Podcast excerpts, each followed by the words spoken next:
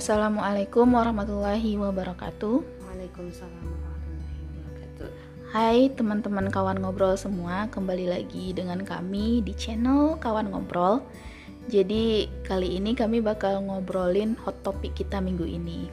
Nah sebelumnya, eh, apa kabar teman-teman semua? Semoga sehat walafiat dan bisa menjalankan ibadah dengan Baik. baik ya dengan baik dan terkhusus untuk besok nih semoga kesehatannya bisa bikin teman-teman bisa makan daging sepuasnya ya Rin. Tapi tetap harus dikontrol porsinya teman-teman. Oke. Nah jadi kali ini kami bakal ngebahas hot topic yang terkait juga dengan besok nih teman-teman. Yaitu tentang apa Rin? Pengorbanan. Ya nah jadi pengorbanan apa aja nih yang bakal kita bahas? Apa aja Rin pengorbanannya?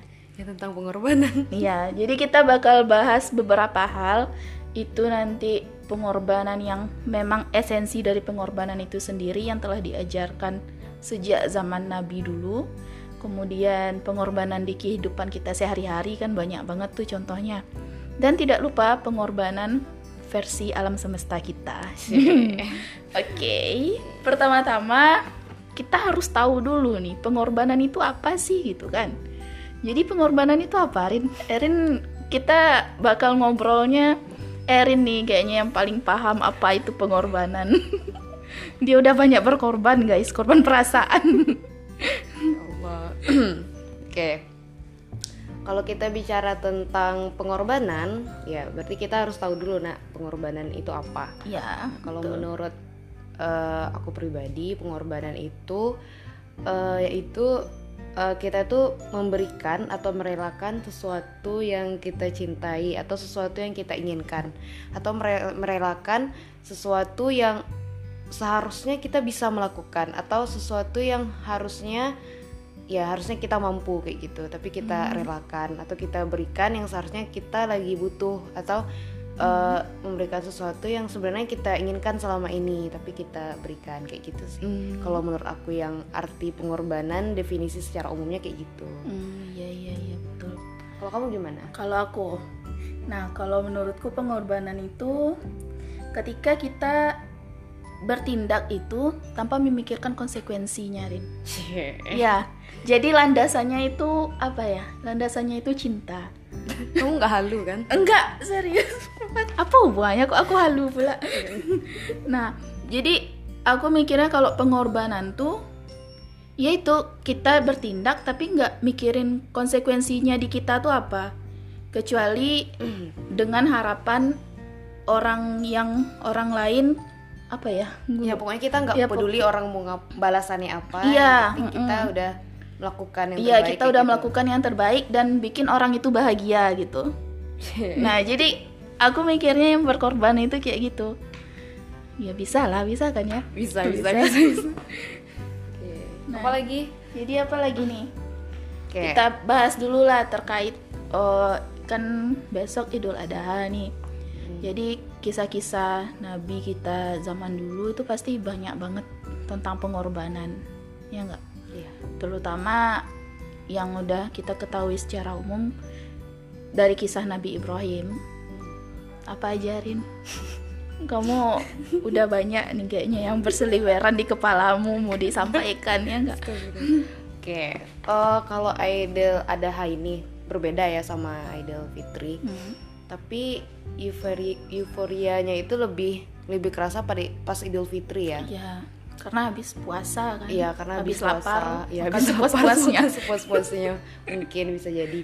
Tapi padahal yang hari raya besar itu Idul Adha kan. Hmm, ya. Nah, kenapa kenapa kita kadang nggak merasakan feeling apa ya?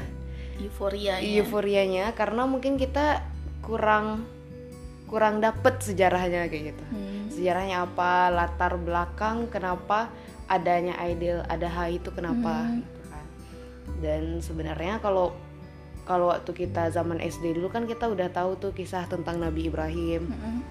yang menyembelih eh menyembelih menyembelih menyembelih anaknya yang maksudnya itu disuruh Allah menyembelih anaknya kayak Iya. gitu kan. Mm-mm.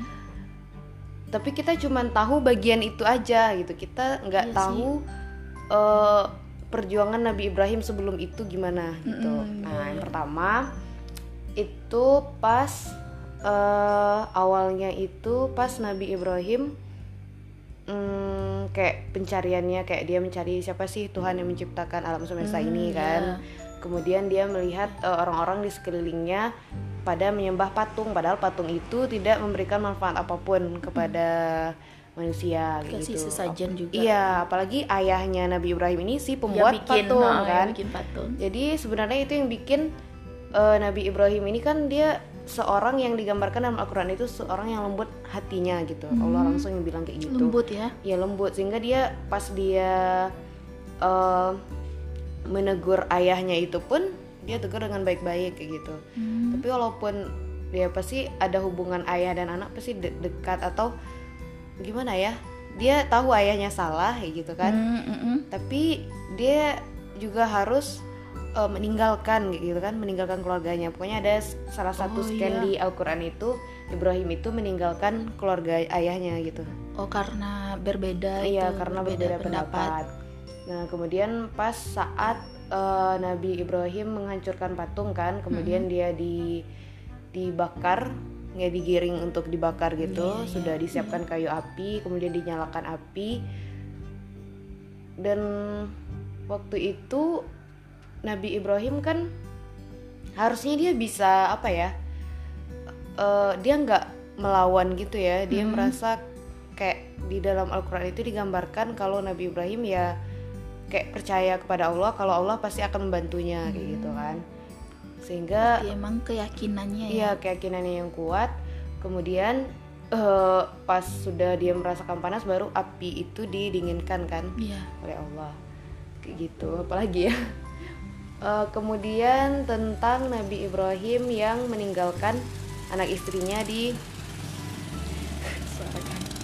a- meninggalkan anak istrinya di Mekah yang waktu itu dalam kondisi tandus sekali dan air zam-zam belum ada. Oh, iya. Itu ya, Siti Hajar dan iya, iya. Ismail. Siti Hajar dan Ismail Dan itu kebayangkan Ci, seorang yang baru punya anak dan anaknya pun ditunggu-tunggu Iya. bertahun-tahun kan Ya, kemudian itu anak satu-satunya juga, Iya. anak cowok dan masih bayi yang belum tahu apa-apa itu ditinggalkan. iya ya Kayak gitu. tapi karena atas perintah Allah Iya, atas perintah Allah dia Nabi eh, Ibrahim mau- jalanin Iya, meninggalkan padahal Mm-mm. sebenarnya mungkin tidak terlalu digambarkan ya bagaimana perasaan Nabi Ibrahim, Iya. tapi ada dilihatkan kayak Nabi Ibrahim itu kayak tidak mau natap istrinya kan pas dia bilang Iya, kayak gitu, iya. dia kayak membelakangi kayak Iya. seperti itu kan. Nah, cuman ya tahu lah gimana ya perasaannya, Iya, cuman tidak iya. terlalu digambarkan Heeh. eh, perasaan Nabi Ibrahim yang sebelumnya Allah bilang kalau Nabi Ibrahim ini seorang yang lembut, Lembut. hatinya gitu, pasti perasa sekali masih gitu. pedih banget ya Ya, tapi karena ini perintah mau nggak mau dia harus mengalahkan egonya, mengalahkan perasaannya gitu. Hmm. Ya tadi mengorbankan perasaannya, iya iya mengorbankan perasaannya sehingga dia lebih memilih untuk eh, apa yang eh, Allah perintahkan untuknya gitu. berarti dia kayak ya nggak itu lagi sama konsekuensi maksudnya perasaannya diabaikan Iya. karena atas cintanya dan keyakinannya sama Allah gitu kan Iya, iya. Gitu tentang Nabi Ibrahim. Nah, setelah itu baru eh, kisah pas eh, Nabi Ibrahim diperintahkan untuk menyembelih anaknya. Hmm, ya itu itu Ismail yang itu paling yang- itu kan yang kayak pengorbanan besar sekali kan Iya. kebayangkan eh, dia kan tadi ditinggalkan Ci Heeh. ditinggalkan Ismail kemudian mereka bertemu kembali baru turun ayat untuk anaknya ini disembelih padahal kan Iya. baru baru kan masih Heeh. iya masih lagi seru-serunya diajak main kan Iya, Nabi lagi Ismail serunya diajak main Mm. itu tiba-tiba kayak eh, disembelih tiba-tiba ada Iya. perintah untuk disembelih dan itu hal yang gimana perasaan seorang ayah ya? Iya, pasti bap- baper sekali cuman ya karena itu perintah lalu dia sampaikan ke anaknya dan anaknya ini juga anak yang nggak sembarangan kayak gitu. Maksudnya dia anak seorang nabi yang diasuh oleh ibu yang luar biasa juga eh yang ibunya juga dulu berkorban juga kan maksudnya Iya. dibiarkan ayahnya Iya, pergi betul. suaminya sehingga mungkin nggak nggak nggak protes sama sekali ya kan nggak protes sama pasti. sekali gitu. Mungkin itu yang kayak membuat anaknya mencontoh iya. ke kepribadian ibunya kan. Nah sehingga ya Nabi Ismail pun kayak ya menerima gitu. Ya nggak apa-apa selama itu adalah perintah maka kerjakanlah ayah kayak gitu. Iya. dan bahkan eh, yang aku dengar dari Ustadz Hanan Ataki katanya Mm. eh, di perjalanan menuju bukit tempat dia menyembelih si Hmm. Nabi Ismail ini Nabi Ismail malah bilang ayah jangan lupa eh, pisaunya itu dipertajam. Oh, kayak biar gitu. enggak iya. horornya lagi. Horor kan. Iya kalau kita gimana nggak bakal sanggup? Iya, terus apa lagi ya katanya nanti kalau misalnya ayah mau menyembelih aku nanti eh, ditutup apa eh, kepalanya Nabi Ismail ini di- ditutup kayak gitu. Kemudian eh, ayah di bajunya ini harus kayak di dilampisi sesuatu sehingga nanti pas darahnya muncrat nggak kena langsung ke baju kayak gitu. iya. Sampai dibilang seperti itu, Iya, Ci. iya. udah Nabi Ismailnya bersiap juga Iya, emang emang siap kayak gitu ya. Iya. Jadi kalaupun nanti di, di dia benar-benar disembelih kan dia kayak kayak mati syahid kayak gitu Iya, kan. Dia iya, langsung menghadap Allah. Jadi ya dia nggak mengharapkan apa pun padahal masa-masa kecil itu kan masa-masa yang kayak seneng-seneng, Iya. main-main gitu. Ya gitulah akhirnya disembelih dan pas mau di emang pas mau di stret kayak gitu baru digantikan posisi Nabi Ismail dengan kambing ya. sama kambing Iya, kambing domba. besar. Apa ya? Pokoknya binatang yang besar yang untuk Hmm. sesem ya untuk disembelih seperti Iya. itu. Dan akhirnya ya itulah digantikan berarti kan eh, Allah itu kayak menguji benar nak di benar Iya. nak eh, Nabi Ibrahim ini eh, benar-benar taat, Hmm. benar-benar patuh sama perintah Allah Hmm. sehingga dicontohkanlah seperti eh, disuruhlah untuk eh, melakukan hal yang seperti itu iya dan gitu. wih keren banget ya Iya dan keren banget. Iya. Maksudnya tuh perjalanan contoh pengorbanan Ibrahim. Mm-mm. ya benar-benar contoh pengorbanan gitu Mm-mm, beda banget dengan kita hari ini. Iya, kebanyakan korban perasaan Kebanyakan enggak ya enggak juga. Iya korban perasaan, tapi perasaan yang kadang sebenarnya Nggak bisa harus- aja diabaikan ya, nggak kan. perlu gitu. dikorbankan. Nggak perlu dikorbankan, biasa aja. Iya. Sedangkan Nabi Ibrahim istrinya yang ditinggalkan Ah, sama ah, anaknya jelas gitu. gitu kan. bisa diabaikan. Ini kita aneh-aneh. iya kamu aja aku enggak Iya, iya. terus aku juga ada baca tadi pas kak tentang kurban ya kan kalau kita kurban itu harusnya sesuatu yang terbaik gitu kan Iya. itu aku baca apa kisahnya Habil Kobil Hmm, pas zaman iya, Nabi iya. Adam mereka kan bersiteru tuh karena Iya. memperebutkan itu kan Kurban terbaik bukan eh? iya nah terus eh, memperebutkan si Iklimah Oh iya yang berpegang. Nah, ah. nah mereka kan sama eh, terus eh, kayak disuruh gitu eh, me- apa tuh mengkurbankan apa yang mereka miliki Iya. nanti Allah pilih yang Pokoknya mana siapa gitu yang terbaik ah gitu siapa yang kan. terbaik nah Habil Habil tuh dia mengorbankan kambing yang emang benar-benar sehat pokoknya yang terbaik lah yang dia miliki nah sedangkan si Kobil ini dia cuman ngorbanin sayur dan itu pun udah layu Hmm, Nah, gitu. makanya akhirnya Allah pilih yang terbakar itu yang diambil itu si kurbannya si Habil. itu, uh, kurbannya si Habil pas itu. Jadi Ya, kita tapi tetap aja ujung-ujungnya terjadi persiteruan di antara mereka kan Iya. sampai terbunuh si, Si Habil, Habil. pembunuhan pertama ya per- dalam peradaban manusia. Iya, itu pembunuhan pertama di dunia gitu. Iya. Terus apalagi nih yang mau kita bahas Rin? Ya, berarti kita di Idul Adha ini kita belajar untuk eh, yang pertama eh, mengalah apa?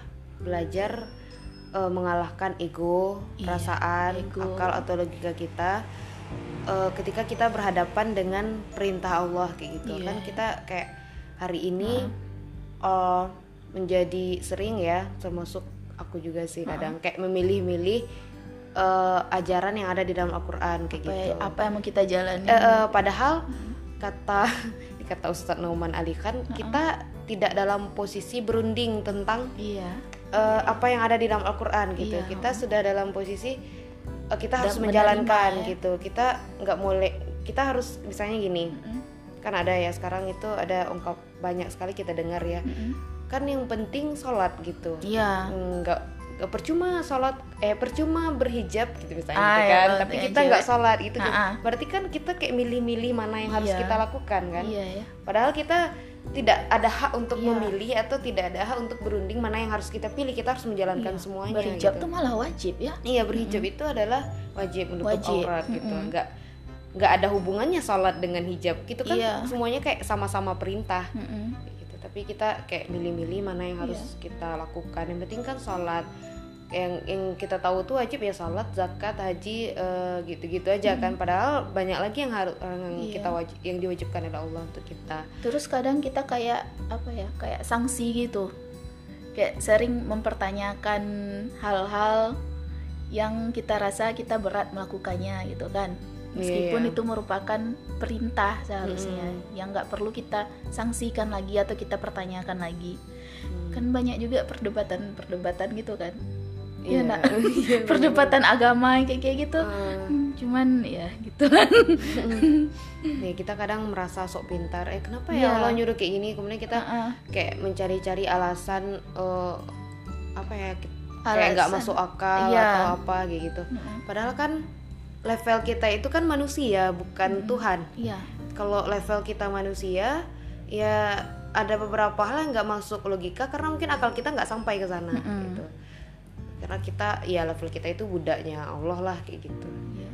Kemudian em, ya gitu kita dalam menjalankan eh, ajaran Islam itu Islam itu kan artinya atau Muslim itu artinya orang-orang yang berserah diri kan. Iya. Nah, Nabi Ibrahim itu kan termasuk ke dalam Muslim atau maksudnya itu di, di- dikatakan dalam Al-Qur'an ag- agama Ibrahim adalah agama orang-orang yang berserah diri kayak gitu Hmm. dalam keadaan Muslim. ya. Jadi ketika iya kita sudah Muslim ya setidaknya di KTP kita udah Islam berarti kita sudah berserah diri kepada Allah gitu. Iya. Apa pun yang Allah perintahkan yang kita lakukan dengan mengabaikan segala perasaan, ego, akal kayak gitu. Apalagi ya? Ya mengabaikan apa pun lah iya gitu jangan Berkorban kita, berarti Mm-mm, kan? jangan sampai mengakali apa pun kayak misalnya iya aku dulu pernah menanyakan ini waktu itu acara apa ya pokoknya acara kajian kayak gitu Ah. kan jadi aku nanya gini kenapa berwudu it eh maksudnya kenapa tayamum itu harus pakai debu ah Iya, terus Iya aku sih. bilang kan, kan debu itu kotor kata. Iya, Apakah iya, ada iya. alasan sainsnya? Aku bilang kayak gitu dulu. Heeh. Kemudian ustadznya bilang gini, eh mungkin ada atau tidak adanya alasan gitu. Itu kan sudah perintah. Jadi ya memang harus kita lakukan walaupun Hmm. belum ditemukan alasannya Iya. apa. Oh. biasanya perkembangan ilmu bakal menguat iya, itu bakal menguat gitu. Tapi kan kita kadang nggak sabaran gitu kan. Iya. Kemudian kata ustadznya, "Hmm, ya kalau kita nanya kenapa pakai debu, seharusnya kita tanyakan juga kenapa yang di lap itu cuman permukaan sepatu aja. Hmm. Kenapa nggak telapaknya kan telapaknya lebih kotor kata iya ustadznya iya kayak iya, gitu. iya, iya. Dan aku kayak terdiam gitu kan. Dan aku nggak tahu kenapa aku menanyakan itu. Sok-sok sains Iya, kan. gitu. sok-sok sains. Sedangkan kata Ustadz apa ya Ustadz Salim Afillah ya ada atau tidak adanya hikmah dari perintah Allah itu ya kita harus melakukan. Kalaupun nanti ada hikmahnya berarti itu bonusnya untuk kita gitu. Hmm. Jadi ya nggak selamanya semua perintah itu ada hikmahnya gitu. Ada sesuatu yang yang tidak kita ketahui gitu. Karena level kita tadi Ci. iya iya iya sih menurut aku. iya ya Apalagi Ci? apalagi ya gitu pokoknya di hari raya kurban itu eh, nggak hanya sekedar eh, berkurban sapi atau apa kayak Hmm. gitu kan Harusnya Tapi- kita mem- memang memaknainya ya seperti itu ya. seperti itu gitu. Lebih eh, hendaknya setelah eh, hari raya kurban ini kita lebih sadar lagi tentang pengabdian kita ke Allah orientasi kita Iya, gitu tujuan iya. hidup kita apa. Sehingga ya pengabaian tadi ya kita mengabaikan ego perasaan dan segalanya Mengabaikan. gitu ya. Nah fisika banget. Iya. Oke. Iya udah. Lagi Terus? Tentang lagi? pengorbanan Iya, kalau iya kalau di kehidupan kita nih gimana ya pengorbanan? pengorbanan Heeh. Kalau menurutku ya Rin, Hmm. pengorbanan kalau yang bisa kita lihat contoh langsungnya nih itu dari orang tua. oh iya Ya, dari orang tua. ibu apalagi. Mm-mm. Bagi saat punya anak kan, kayak nggak peduli gitu kan. Mau kesehatan dia mau semalaman terbangun karena anaknya Iya. hampir meninggal pas melahirkan Mm-mm. ya nggak itu kan menurutku kayak ya contoh pak pengorbanan yang paling dekat sih yang bisa kita lihat Iya, Emang cinta dari- seorang ibu Iya, ya pada ibu. anaknya. ya orang tua lah pokoknya Dan Mm. itu kan cinta manusia sesama manusia ya. iya cinta Dan kita- manusia sama kita manusia Kayak cinta ibu itu adalah cinta yang paling besar. Ternyata cinta yang paling besar itu adalah cinta Allah kepada nah makhluknya kan. iya Kayak Ah, gitu. ya ini kan urutannya kayak gitu Mm-mm, Allah kepada makhluknya itu baru seorang Iya. ibu gitu. iya Seperti itu kayak Allah tuh kayak menganugerahkan gitu Iya, ya, malaikat tanpa semacam- sayap. Iya, gitu. malaikat tanpa sayap. Ya cinta-cintanya Allah tuh dianugerahkan juga ke ibu kita, ke Iya. anaknya gitu Mm. kan. Kamu juga merasakan nanti. Amin ya Allah. Oke. Oke, nah itu sih pengorbanan yang paling terdekat yang bisa kita lihat itu. Ya, eh yang Kalau kamu, kamu pernah berkorban nggak? Aku, Iya. aku nggak tahu Ji. Mengorbankan apa? Iya, nanti lah kurban, kurban sapi aja nanti. Insya Allah ya. Insya Allah tahun depan ya. Tahun depan kita nabung dulu. Iya, iya itu juga soal kurban iya. ya. Kan kalau di kampung itu yang kurban itu biasanya orang-orang yang sudah tua, Iya. yang sudah punya investasi Mm-mm, gitu kayak gitu investasi yang banyak. Padahal sebenarnya kata ada ustadz ada ustadz yang bilang kalau kita emang niat untuk eh, menghadapi bulan kurban atau bulan Mm. haji kita udah nabung di bulan-bulan lainnya Iya, gitu. ya. Emang Itu kan kan iya. itu kan kayak persembahan terbaik kita Iya, juga betul. kan gitu dengan kita nabung di Iya. eh, bulan dari bulan Pahalanya Januari juga lah. luar Hmm, biasa. pahalanya luar biasa. Kita seharusnya nggak nunggu mampu dulu gitu. Iya, Karena sebenarnya iya. kita bisa nabung kan. Bisa itu kan cuma sekitar sejuta dua jutaan ya, dua juta ya. Iya, kalau Kalau yang kalau yang sepertujuhnya, iya satu Ha-ha. jutaan lebih kayak gitu kalau sejutaan salah. lebih ya. Ya Kan sebenarnya lumayan harus- juga. Iya, harusnya bisa kan Mm-mm. kalau kayak sekarang ini bahkan kita eh, apa ya?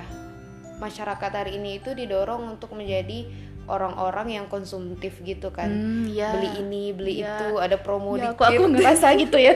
aku juga kayak beli Apalagi, ada apalagi ada kalau promo. iya promo di Shopee itu udah Oh. buru-buru apa beli ini padahal kan promo restoran juga. iya apalagi. promo restoran dan eh, sebagainya gitu padahal ya harusnya kita nggak gitu membelanjakan Iya. untuk eh, hal-hal yang baik kayak gitu dengan cara kayak nabung tadi kan nabung Mm-mm. untuk eh, ada apa untuk hari raya kurban gitu. Dan Iya, kita iya. ikut juga kurban. Bukan nunggu mampu dulu baru kita kurban. Iya betul. tapi ya nunggu mau sih. Nunggu mau, Iya, iya nunggu mau. mau. keinginan sih benar Hmm, sebenarnya intinya kan. karena itu adalah yang terbaik. Maka kita siapkan juga dengan usaha yang terbaik. Iya, itu kan keren gitu Iya, sih iya, sebenarnya. iya, emang, kita nabung dari awal kita berjuang kita sisihkan gaji lah atau belanja lah Iya, gitu itu kan. bentuk usaha kita. Jadi pas kita berkurban itu ya ya Kayak- esensinya dapat ya nggak? esensinya dapat Esensi beda dengan berkorbannya itu loh. beda dengan orang yang udah punya banyak uang Iya. kayak ngasih uang ya Udah, berapa iya, lah kayak biasa Mm-mm, lah gitu kan 3 juta 5 juta Iya. ya biasa aja Walaupun gitu. itu masih berkorban secara material ya, Mm-mm. secara material tapi ya lumayan lah buat menghayati apa Iya, sih yang berkorban tuh sebenarnya. Ya kita kayak jadi- nahan diri dari sikap konsu- konsumtif kita gitu kan. Mm-mm, kayak gitu Ya betul. Ya sih. Mm, Keren sih. tahun depan lah Iya, insya Allah ya Rin. Iya aku aku baru ingat pas Iya. pas udah udah eh nggak kurban udah kurban aja gitu Iya, iya, kan iya, iya. ya insya Allah nanti Eci Iya. nabung Mari Oke. kita saling mengingatkan. iya saling gitu mengingatkan Nah. dan apalagi ya kamu punya eh, apalagi versi-versi pengorbanan yang, yang terakhir lagi nih. Iya, kita kan tadi kita manusia senjata kita. Iya, kan? Enggak, senjata kita yang di pertama tadi. Iya, senjata kita yang pertama. Nah, ya. Ah, terakhir apa? Tentang pengorbanan versi alam semesta nih, teman-teman. keren ini ya. Ah-am. Ya, versi alam semesta tuh kalau aku bisa melihatnya tuh dari bintang, Rin. Tuh bintang. Ah, Kenapa dari bintang, sih? Terutama matahari kita. Hmm. Nah, matahari itu kan dia terdiri dari gas tuh. Hidrogen sama helium. Iya. Ya kan ukurannya kan aku nggak ingat berapa ukurannya tapi lumayan besar. Nah, ternyata matahari kita ini ketika memberikan sinar-sinarnya untuk planet-planet lain, untuk bumi gitu kan, sehingga dapat menumbuhkan tumbuh-tumbuhan, itu dia menghabiskan masanya sendiri. Oh, iya iya. Jadi Reaksi ukuran- apa namanya? fusi. Iya, reaksi Nah, fusi reaksi ya. fusi. Jadi ukuran dia yang awalnya sebesar itu nanti lama-lama bakal terkikis. Mm-mm. Heeh, karena reaksi fusi tadi Iya, reaksi fusi tadi. Jadi kalau aku mikirnya itu eh, kayak semacam pengorbanan dari matahari gitu. iya demi Iya, menyinari, Demi menyinari planet-planet planet-planet Iya. demi menyinari bumi juga sehingga kan kayak tumbuhan aja kan butuh sinar matahari Iya, juga. untuk fotosintesis Iya, ya. untuk fotosintesis. Jadi kita bisa makan dari yang tumbuhan. Mm-mm. Itu kan. Ya, pokoknya semua kita sih butuh sinar Iya, matahari emang. ya apa pun butuh sinar sinar matahari ya. bintang. bahkan sinar matahari itu eh bisa mematikan bakteri-bakteri jahat Nah, iya, jahat. termasuk virus kan. iya kemarin. virus saja kemarin kita disuruh untuk eh, Berjemur. berjemur di Iya. pagi hari ya, gitu segitunya sinar matahari itu bermanfaat untuk kita kan Iya, jadi dia tuh kayak ngorbanin masanya sendiri gitu loh. Nanti lama-lama proses bintang tuh kan nanti lama-lama dia eh, bakal mengecil. Tapi kalau untuk matahari kita tuh dia bakal jadi bintang katai. Jadi bintang katai ini ketika masanya udah habis, ya dia jadi bintang katai putih. Dia ukurannya lebih kecil nanti. emang terus kiamat itu gimana tuh Iya itu, ya itu mungkin udah kiamat tuh kita udah gak mungkin ada dia lagi. mungkin dia belum belum sampai kecil ya Iya, belum sampai kecil tapi kan itu baru perkiraan kan? iya Itu perkiraannya. Melihat melihat contoh bintang-bintang yang lain Ayo gitu. melihat contoh bintang Tapi ada juga untuk kasus bintang yang super giant gitu yang bintangnya Besar. lebih besar, itu dia justru akhir hidupnya tuh dia meledak. Oh Nah, meledak ah, kayak supernova. oh supernova Nah, iya, iya. supernova dari ledakan itu nanti bakal muncul lagi bintang-bintang baru. Hmm, gitu keren gitu ya Iya. jadi walaupun ada yang meledak digantikan dengan bintang-bintang baru Mm, mm. ya sih aku eh ya pengorbanan alam semesta itu juga ditunjukkan dengan kayak di Al-Quran itu Allah bilang Allah yang menundukkan bintang-bintang semua bintang-bintang Hmm. itu Allah tundukkan semuanya Mm-mm. kan bisa aja mereka kayak eh apa keluar dari orbit Hmm, atau bisa. mereka macam-macam lah perangainya gitu Iya. kan karena mereka kan juga makhluk juga Iya. kan tapi karena posisi kita yang letaknya di mana Ci? Eh, di sudut spiral Nah, galaksi sudut Bima spiral Sakti. itu demi kita yang sekecil itu di sana bintang-bintang itu ditundukkan Iya. spesial untuk kita. Iya, belum lagi benda-benda antariksa yang lain kayak Mm-mm. komet, meteor, asteroid, ya kan? Iya, tanpa ti- eh, tanpa kita sadari mereka pun sudah berkorban untuk kita kan. Iya. mm. Berkorban ya mereka tunduk sama aturan Iya. ya kamu lintasannya ke sini, kamu lintasannya ke sana Iya, gitu. Kamu iya, betul. mengitari ini, Ah. kamu mengitari itu gitu. Jadi sudah pas saja semuanya gitu. Sehingga sebenarnya dari alam semesta pun kita bisa belajar, Belajar juga. tentang pengorbanan mereka tetap tunduk gitu kan. Langit yang ditundukkan bumi yang ditundukkan. Mm-mm. kan bumi kita itu juga mengandung apa? Eh apa namanya? Kayak lava yang Oh, keluar iya, dari di- iya inti kan ah, panas bumi intinya. itu kan ada. berapa suhu panas bumi? Kan Iya. bisa aja sebenarnya sewaktu-waktu dia meledak keluar. iya keluar aja Kayak kan kalau sekarang kan cuma dari gunung biasanya Iya. keluar. itu pun nggak nggak sering nggak selalu gitu bisa aja mereka kayak serentak Iya, bur Itu pas hancur kiamat. itu pas Kan kiamat. ketika gunung-gunung berterbangan kan, apalagi di surah Al-Qari'ah kan ya. Iya Nah, gunung-gunung berterbangan manusia seperti laron kayak kayak gitu. iya iya Terus aku baca itu loh status WA-mu tadi pagi Iya. tentang surat Al- Al-Fusilat ya, Iya, Fusilat. tentang bintang-bintang memelihara. Heeh. Nah, itu aku mikirnya gini, kan bintang kita tuh gravitasinya besar. iya Nah, terus aku juga baca nih di Instagram tentang Jupiter yang eh yang ngebantu nge- ah, ngebantu bumi nggak- tidak tertarik iya tadi ya. iya ngebantu bumi biar benda-benda lain di antariksa tuh nggak masuk ke bumi gitu justru Hmm. melemparkannya jauh-jauh jadi dengan Ah, ah. gravitasi Jupiter ya iya nah bintang gitu juga sih sepertinya kalau Iya. aku mikirnya gitu iya karena kan setiap ah. benda di langit itu kayak mereka punya gravitasi, gravitasi ya. masing-masing ya. Jadi Aku- dia karena gravitasi bintang nih lebih besar dibandingkan bumi, jadi benda-benda tuh cenderung berbeloknya ke matahari gitu. oh, berbeloknya ke Ah, ah, matahari. berbeloknya ke matahari, jadi nggak jadilah nabrak bumi. Wih, kan kita biasa jadi ya. ah, kita jadi kayak terlindungi gitu. Iya, jadi maksud Allah Ah. memelihara tuh itu ya. Iya, gitu. memelihara. Iya, Memelihara. aku mikirnya itu kayak komet lah. Komet kan itu dia biasanya ketariknya ke matahari juga. Komet Yang matahari. muternya di matahari. makanya pas deket matahari itu dia muncul kayak ekor-ekor gitu. Iya iya iya. Hmm, kayak Sweet ekor gitu ya. iya.